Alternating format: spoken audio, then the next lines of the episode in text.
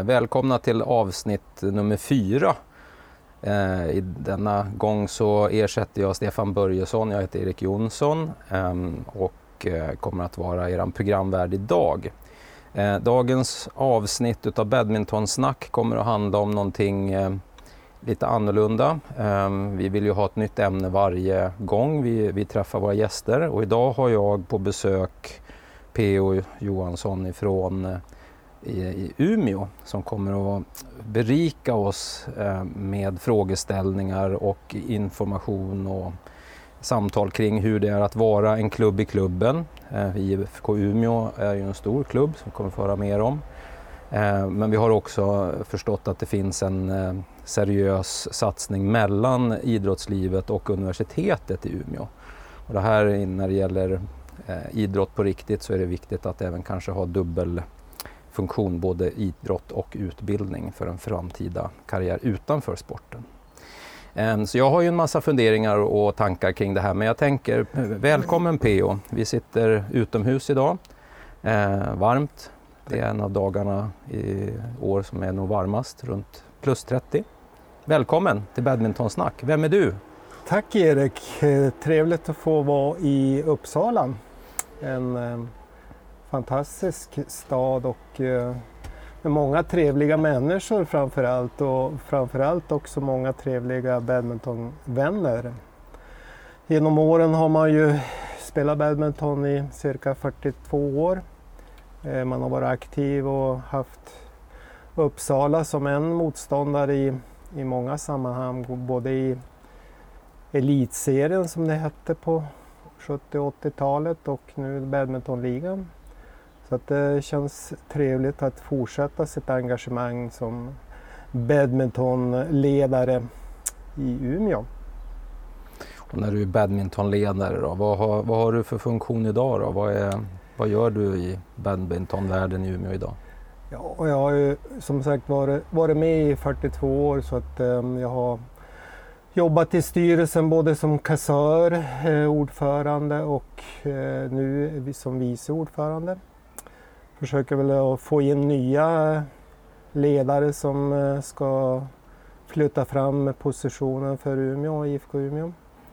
Eh, det är ju också en eh, möjlighet att ge ja, ungdomarnas aktiviteter och framförallt att vi har en bredd i verksamheten med många unga plus att vi har då division 2-lag, division 1-lag och ett ligalag. Så att det känns... Eh, eh, framtiden ser bra ut tycker jag.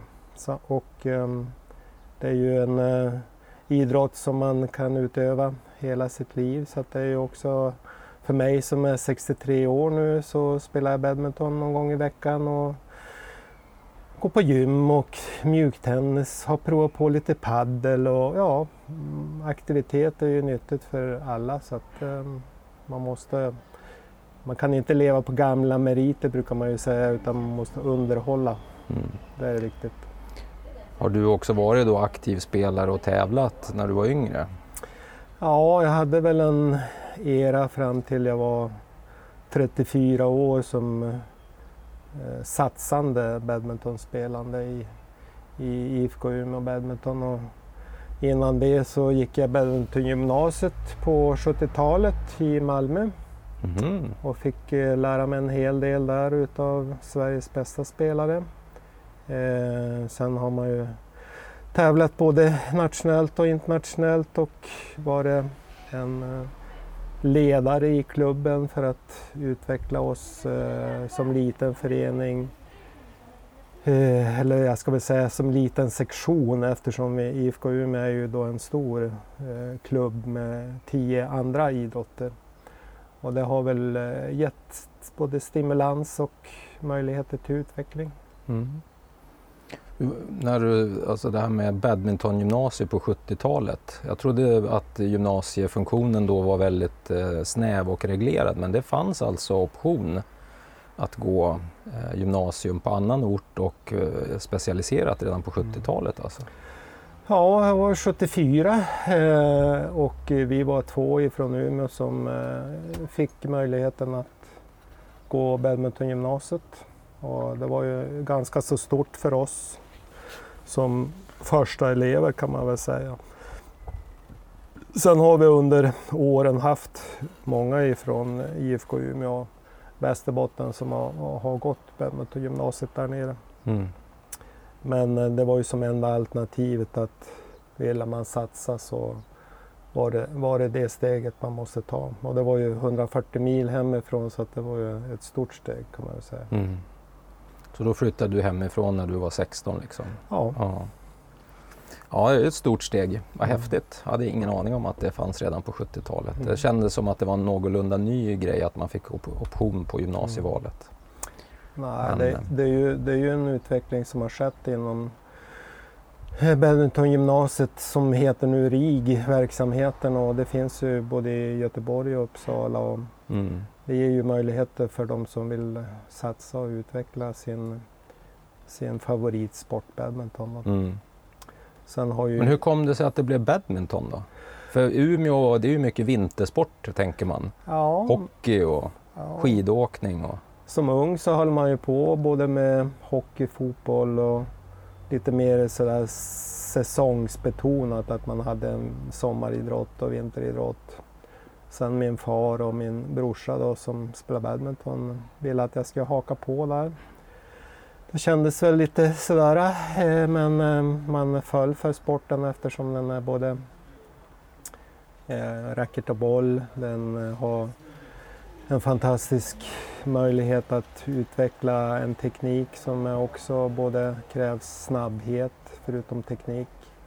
Det krävs, ja, som komplett badmintonspelare krävs det en hel del och man är kanske inte färdigutvecklad utan man är kring 20 så det är ju en, en lång väg att gå men um, det var mm. någonting som man verkligen uh, tyckte var roligast bland övriga idrotter mm. och tog steget då när man var 16 och specialiserade sig. Mm. Men sen flyttade du hem då efter gymnasiet?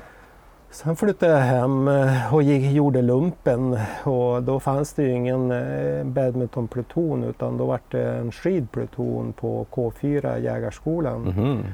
Så då var det skidåkning på förmiddagen och eh, militärutbildning på eftermiddagen och kvällar och helger. Och det var ju också kul eftersom eh, skidor är ju någonting som är, tillhör Norrland men eh, det var väl sisådär, eh, ja, det var en möjlighet att skapa en otrolig fysisk styrka.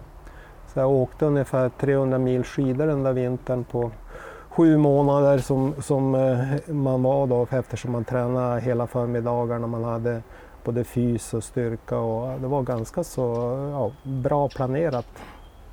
Så det var en kul period men sen var det då enbart badminton. Mm. Skidor, eh, skidorna har man lagt på hyllan. Ja, en annan sak som jag funderade på när jag pratade med dig inför det här samtalet, det är ju eh, en fundering som jag tror kanske fler än jag har och det är ju att många känner ju till IFK Umeå. Det är ju en ganska känd idrottsklubb i Sverige. Men det är ju en stor idrottsklubb mm. med en massa underavdelningar. Hur, kommer det, hur funkar det här egentligen med att ha badminton inne i en sån stor organisation? Vad är liksom för och nackdelar? Vad, hur, hur hänger det ihop? Berätta lite mer. Varje sektion lever ju egentligen sitt eget liv. Det som är gemensamt är ju att vi har ett kansli med ekonomi och administration och övriga funktioner. Eh, vi eh, jobbar ju då inom IFK Umeå Badminton eh, ja, själva kan man ju säga. Vi har ju som ingen samröre med övriga sektioner och det kan ju vara lite synd i och med det att mycket av dagens idrott är ju ganska så lika. Så mm. att, eh, det finns väl en utvecklingspotential eh, där också men eh, jag tror att hjärtat styr det mesta när det gäller ideell idrott och idrott både på ungdomsnivå och toppnivå. Att man, man, man ser till sitt och vi har en bra organisation inom badmintonsektionen med sex kommittéer som jobbar då brett för att ja, vi ska kunna hålla en hög standard och utveckla våra spelare och individen. Mm. Så att eh, det finns som ingen negativ del i det hela utan det, det är en styrka kan man säga att vi, vi sitter under samma tak och, och vi får en, ett bra stöd från en ka, bra kansliverksamhet. Mm. För sen annars, ni har ju en väldigt stark skidsektion. Då. Eh, det, det, finns ju några andra sporter förutom badminton som jo. utmärker sig. Ja. Um, och det är väl kanske det som man kan, har kommit i kontakt med ett par kända skidåkare och sådär genom åren. Ja. Som har lanserats och där. Det är ju, de starka sektionerna det är ju framförallt badminton, skidor och friidrott. Mm. Sen um, bowling eh, är väl en, en sån där medelmåtta. De har kanske inte satsat lika mycket som de andra sektionerna. Sen eh, har vi ju handboll. Det är ju en relativt ny sektion och eh, vi har även eh, fotboll som är en stor ungdomssektion. De har väl 700 medlemmar. Och, men det är mer på en, en nivå där man, man jobbar med ungdomar och sen då vill man gå vidare och satsa på att bli duktig i fotboll så har vi ju då Umeå FC och Thorengruppen. Så att det, det finns, eh, IFK Umeå och fotboll är väl mer som ett farmarlag, mm.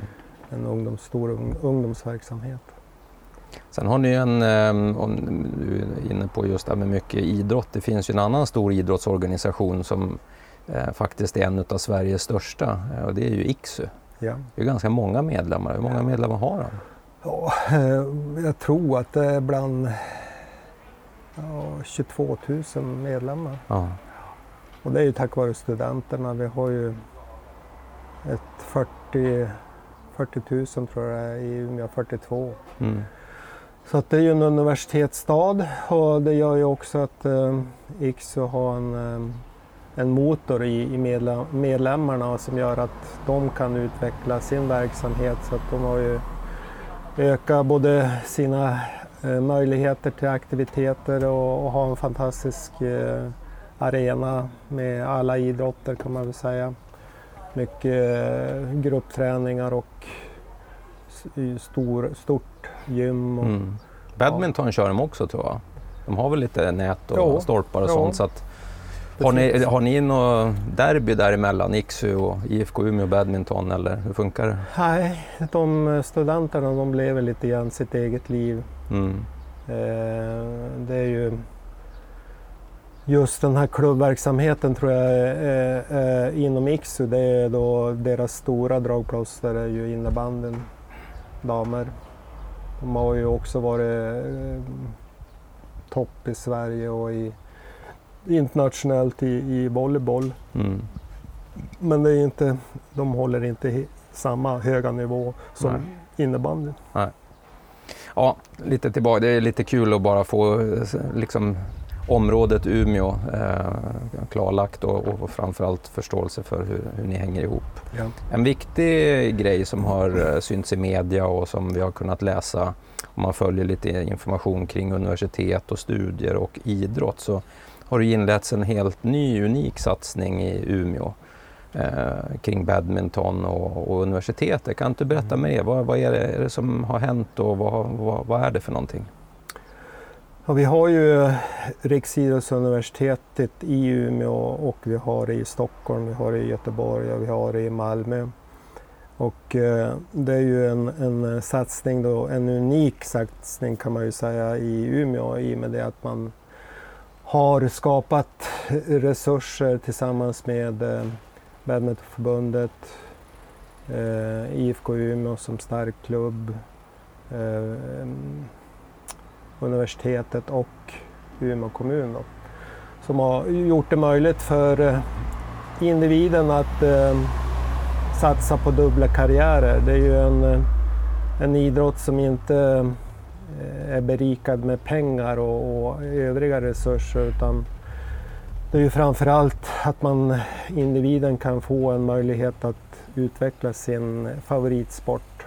Mm. Och i det här fallet badminton. Och det har ju gjort att vi har åtta studenter som eh, satsar hårt på badminton och de har ju en otrolig kompetens inom universitetsfamiljen både med Eh, hjälpdelar då som ja, kost och fy, fys, fysiologer och mental träning, psykologer, eh, dietister, kuratorer som planerar då för att idrottaren ska kunna studera på deltid. Mm. Eller 100 procent beroende på vart man är i sin karriär. Och det är ju unikt eh, i sig då. Så att, um, Umeå har ju varit i framkanten i, i alla, eller i många år har man ju hållit en hög nivå just uh, som idrottsstad. Mm. Och det är väl det man vill profilera också och försöka att bli ännu bättre och, och skapa förutsättningar för individen. Och det är ju kul att, att bo i Umeå då. ja, och man får ju pitcha in lite grann här. Det här programmet Badmintonsnack är ju nationellt så det har ju liksom ingen egentlig koppling till någon stad. Utan tanken är ju att vi ska kunna få höra och ta del av vad som händer i hela landet. Ja. Och kanske till och med utanför landet. Um, jag har ju stött på IFK Umeå Badminton vid något tillfälle. När man kommer till er klubb så känner man sig ju direkt välkommen. Vad, vad beror det på? Man blir liksom som en i familjen på ungefär en sekund. Det är ju någonting som vi har jobbat med i stort sett hela tiden jag har varit med i verksamheten och det är ju vi-andan. Och vi-andan är ju viktig i många sammanhang både för teambuilding, att man är en bra kompis, att man ser varann och att man lyssnar på varann och ger varann utrymme för att finnas till. Och det är väl en eh, känsla som inte bara du får utan det är många som har kommenterat det att det, det känns att man är en stor familj och att vi andan är ödmjukhet och, och social kompetens. Och det försöker vi ju lära våra ungdomar i ett tidigt stadium också att eh, utan att vara säga hej när man träffas så oavsett om man känner varandra eller om man är ny eller man är, kommer och ska tävla så, så ska det vara en positivitet som man blir bemött utav mm. och det är viktigt. Så det är mycket en ledarfråga att vi har den synen. Och det smittar väl av sig även till andra delar, för det är en annan sak som jag tänker på som ni eh, trädde fram i många sammanhang och det är ju att ni tar gärna på er att arrangera mästerskap och tävlingar och så. Ehm, berätta mer om det, för det är också intressant att höra vad ni har för tankar till att göra det. Ja, det finns många faktorer. Dels är det ju en, eh, en eh, fantastisk upplevelse för våra egna spelare att få tävla på hemmaplan. Eh, det är ju en ekonomisk fråga också i och med det att vi kan arrangera både ungdomstävlingar och stora mästerskap eh, på hemmaplan. Vi skapar en eh, marknadsföring för sporten i Umeå som gör att vi kan utvecklas och få fler partners. Utveckla, eh, ja, utveckla oss hela tiden och ha resurser för det, för det är ju en resursfråga tyvärr.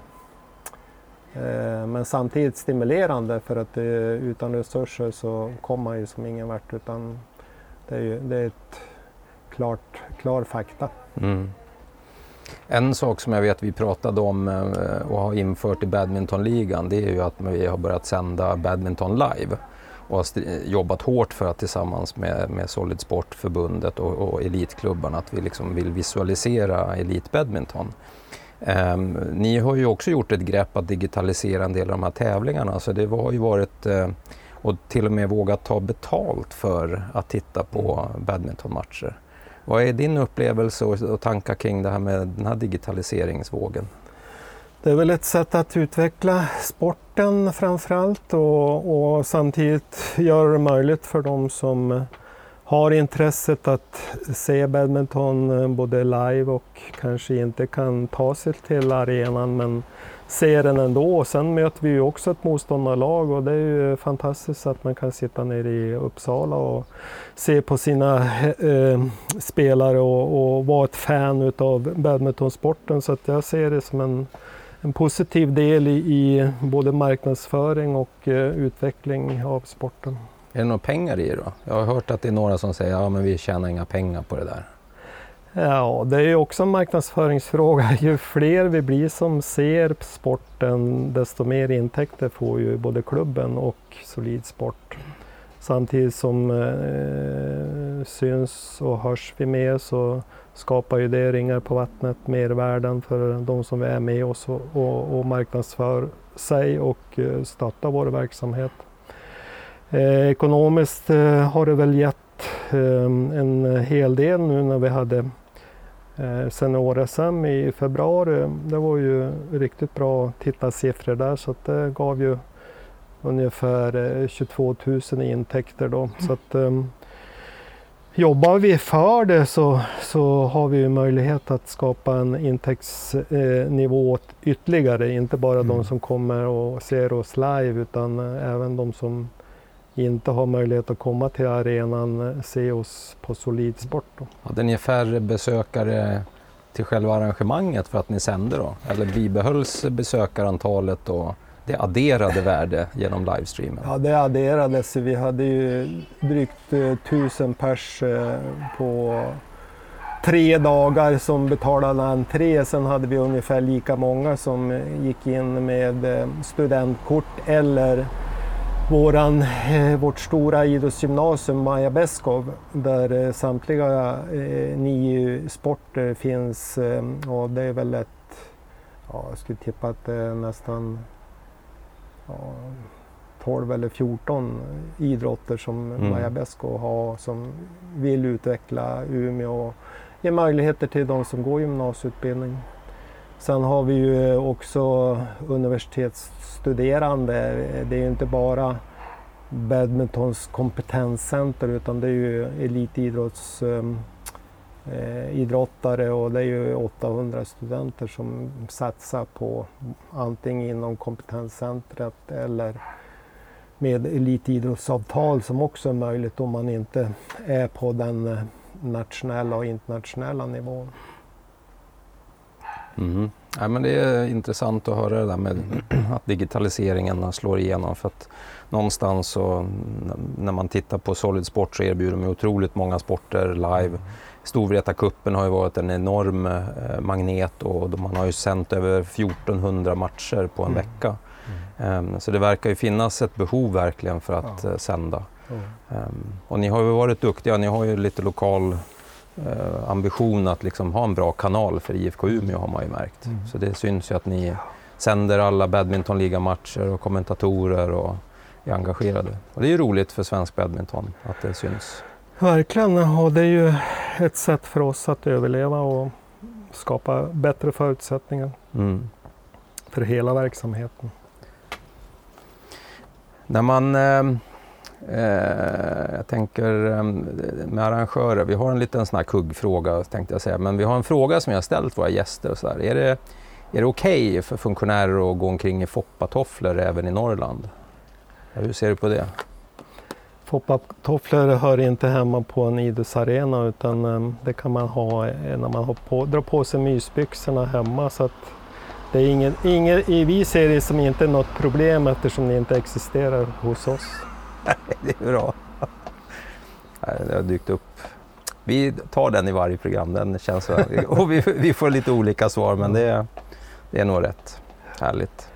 Eh, sen har vi en annan grej då med, med dig P.O. det är ju att du är ju väldigt, väldigt engagerad. Eh, och du jobbar ju inte bara i Umeå och har sett till att det här universitetssamarbetet har kommit till, eh, till skott utan du är ju också engagerad i Svenska Badmintonförbundet eh, på nationellt plan. Ja. Vad, vad, gör du där och vad är det som driver dig att eh, engagera dig även på nationellt plan? Det är väl framförallt att man har hjärtat i badmintonsporten och att man tycker att det är en fantastisk idrott på många sätt. Både som ungdom och, och, och, elit och motionär. Och har man fått uppleva det själv också inom sitt eget liv så, så stimulerar det till ännu mer större engagemang. Inom förbundet så sitter jag ju i styrelsen och eh, håller i marknadsdelarna då och försöker ju att skapa eh, tillsammans med övriga i styrelsen och ledare runt omkring i landet att man, man, man kan utveckla och ge sporten den marknadsföring som krävs. Nu, nu kanske vi saknar då de här stora eh, stjärnorna som drar marknadsandelar ifrån företag och så vidare och skapar ett intresse på så sätt. Men vi är ju en idrott som man verkligen kan hålla på med i hela livet och det är en jämställd idrott. Så det gör ju också eh, min, min personliga, mitt personliga synsätt gör att det är ett naturligt engagemang. Eh, det känns roligt och det känns stimulerande och det är ingen belastning framför allt. Så att eh, Eh, jag hoppas att vi ska kunna bygga tillsammans med förbundet och, och, övriga kommuner som vill vara med och satsa just på badmintonsporten. Vi har ju Uppsala som satsar hårt på Eurocenter och skapar bra förutsättningar för de som vill toppsatsa. Eh, landslag och så vidare och, och Umeå då med sin möjlighet med dubbla karriärer och ge individen en möjlighet, ett, en alternativ att kunna fortsätta med sin idrott och det har vi ju sett genom åren att vi har många duktiga talanger och vi har många duktiga som vill verkligen kämpa fram dem tills de är juniorer. Men eh, sen när man ska övergå till seniorer, seniorsatsning eller sin seniorträning eller utvecklas som badmintonspelare så finns det kanske en större tyngdpunkt på utbildning och sin privata karriär. Och det, det kanske det blir jobbigt att ta det steget eller ha en fot i varje del. I Umeå har man ju möjlighet att skapa då den möjligheten. Och vill man satsa fullt ut så har man den möjligheten om man håller en nivå då i Uppsala. Så att, um, vi kan vara stolta både i Uppsala och Umeå att vi har någonting som ger, ger möjlighet till individen att fortsätta sin idrottsliga karriär. Sen finns det ju RIG och NIU runt om i landet också som mm. är jätteviktiga för odlandet och, och, möjligheten, precis som du gjorde en gång i tiden, att ja. man får möjligheten att uh, jobba vidare med att utvecklas i badminton. Det var det jag menade också, att uh, just möjligheterna finns ju fram till man är, har passerat junioråldern, men sen är det ett stort steg att bli en duktig senior, då krävs det ytterligare mm. fem år och det, det, det, krävs att man vet vad man vill och, och att man har de, eh, ja, det, det, stödet att, att göra sin fortsatta satsning. Mm. Och det har ju både förbund och nu Riksidrottsuniversitetet skapat så att det, det ges ju möjligheter till en, någonting nytt. Och jag tror att vi inom sporten måste tänka nytt också för vi vi, ska vi hänga med andra idrotter i konkurrens, konkurrensen om, om spelare, eh, ungdomar, eh, så måste vi också tänka på, en, på ett nytt sätt för att skapa de resurserna. Mm. För det är ju så att det, det här är en, en fundering som man kan ha i vissa sporter. Ta höjdhopp till exempel. Det är inte säkert att höjdhoppstränaren och strukturen runt omkring är gamla världsmästare i höjdhopp utan de är duktiga på andra saker. Mm. Utan det är just de som de tränar som är världsmästare i höjdhopp. Men i badminton och i en del andra individuella idrotter så har man en historik och en tradition att eh, man, man bedömer framgångsfaktorerna på att det ska vara någon som är världsmästare i att träna andra i badminton. Hur ser du på det? Ja, det är en svår ekvation. Jag tror att um, individuella sporter behöver många olika kompetenser runt omkring sig för att kunna uh, ta det där uh, steget som krävs för att man ska lyckas. Och man kanske inte lyckas första eller tredje eller femte året men det kommer om man har pannbenet att eh, genomföra en eh, strukturerad och individanpassad eh, träning och, och, och man har de verktygen runt omkring sig som behövs för att lyckas, då tror jag att um, många, många kan bli duktiga både nationellt och internationellt. Mm. Nu har vi en liten speciell situation eh, kring tävlingar och badmintonvärlden. Eh, som andra sporter har ju stått lite stilla och alla står väl i startblocken och vill börja tävla och sådär igen. Men om man ska försöka sig på en, eh, en liten kvalificerad gissning över hur närmaste året och kommande säsong ser ut. Då. Har du några tankar kring eh, framtiden? Vad har du för jag sitter ju i styrelsen i badmintonligan också. FSC är ett organ då som stöttar då förbundet i, i de frågorna. Och eh, vi hade, sa ju då senast då när vi hade möte att badmintonligan kan nog köras under hösten eftersom man då har en, en begränsning på 50 personer och vi är ju aldrig mer än kanske 25 i, i både eh, lag och ledarstab med domare och så vidare. Så att badmintonligan kommer nog att kunna genomföras under hösten men tävlingar där vi då har då ett startfält på ja, mellan 100 upp till 500 starta, tävlande. Det, det, tror jag inte kommer att kunna genomföras eftersom kraven från hälsomyndigheten och andra organ att vi ska hålla i alla de, de, eh, delar som krävs för att vi inte ska få en spridning av coronan. Så att jag tror att det kommer att bli lite tunt på, på just tävlingsfronten men det finns ju lösningar till det också. Vi kan köra 49-cupen. Som är? Ja, det fick jag bara så här nu från ovan. 49-cupen är en cup som eh, pågår under hela hösten då i olika åldersgrupper.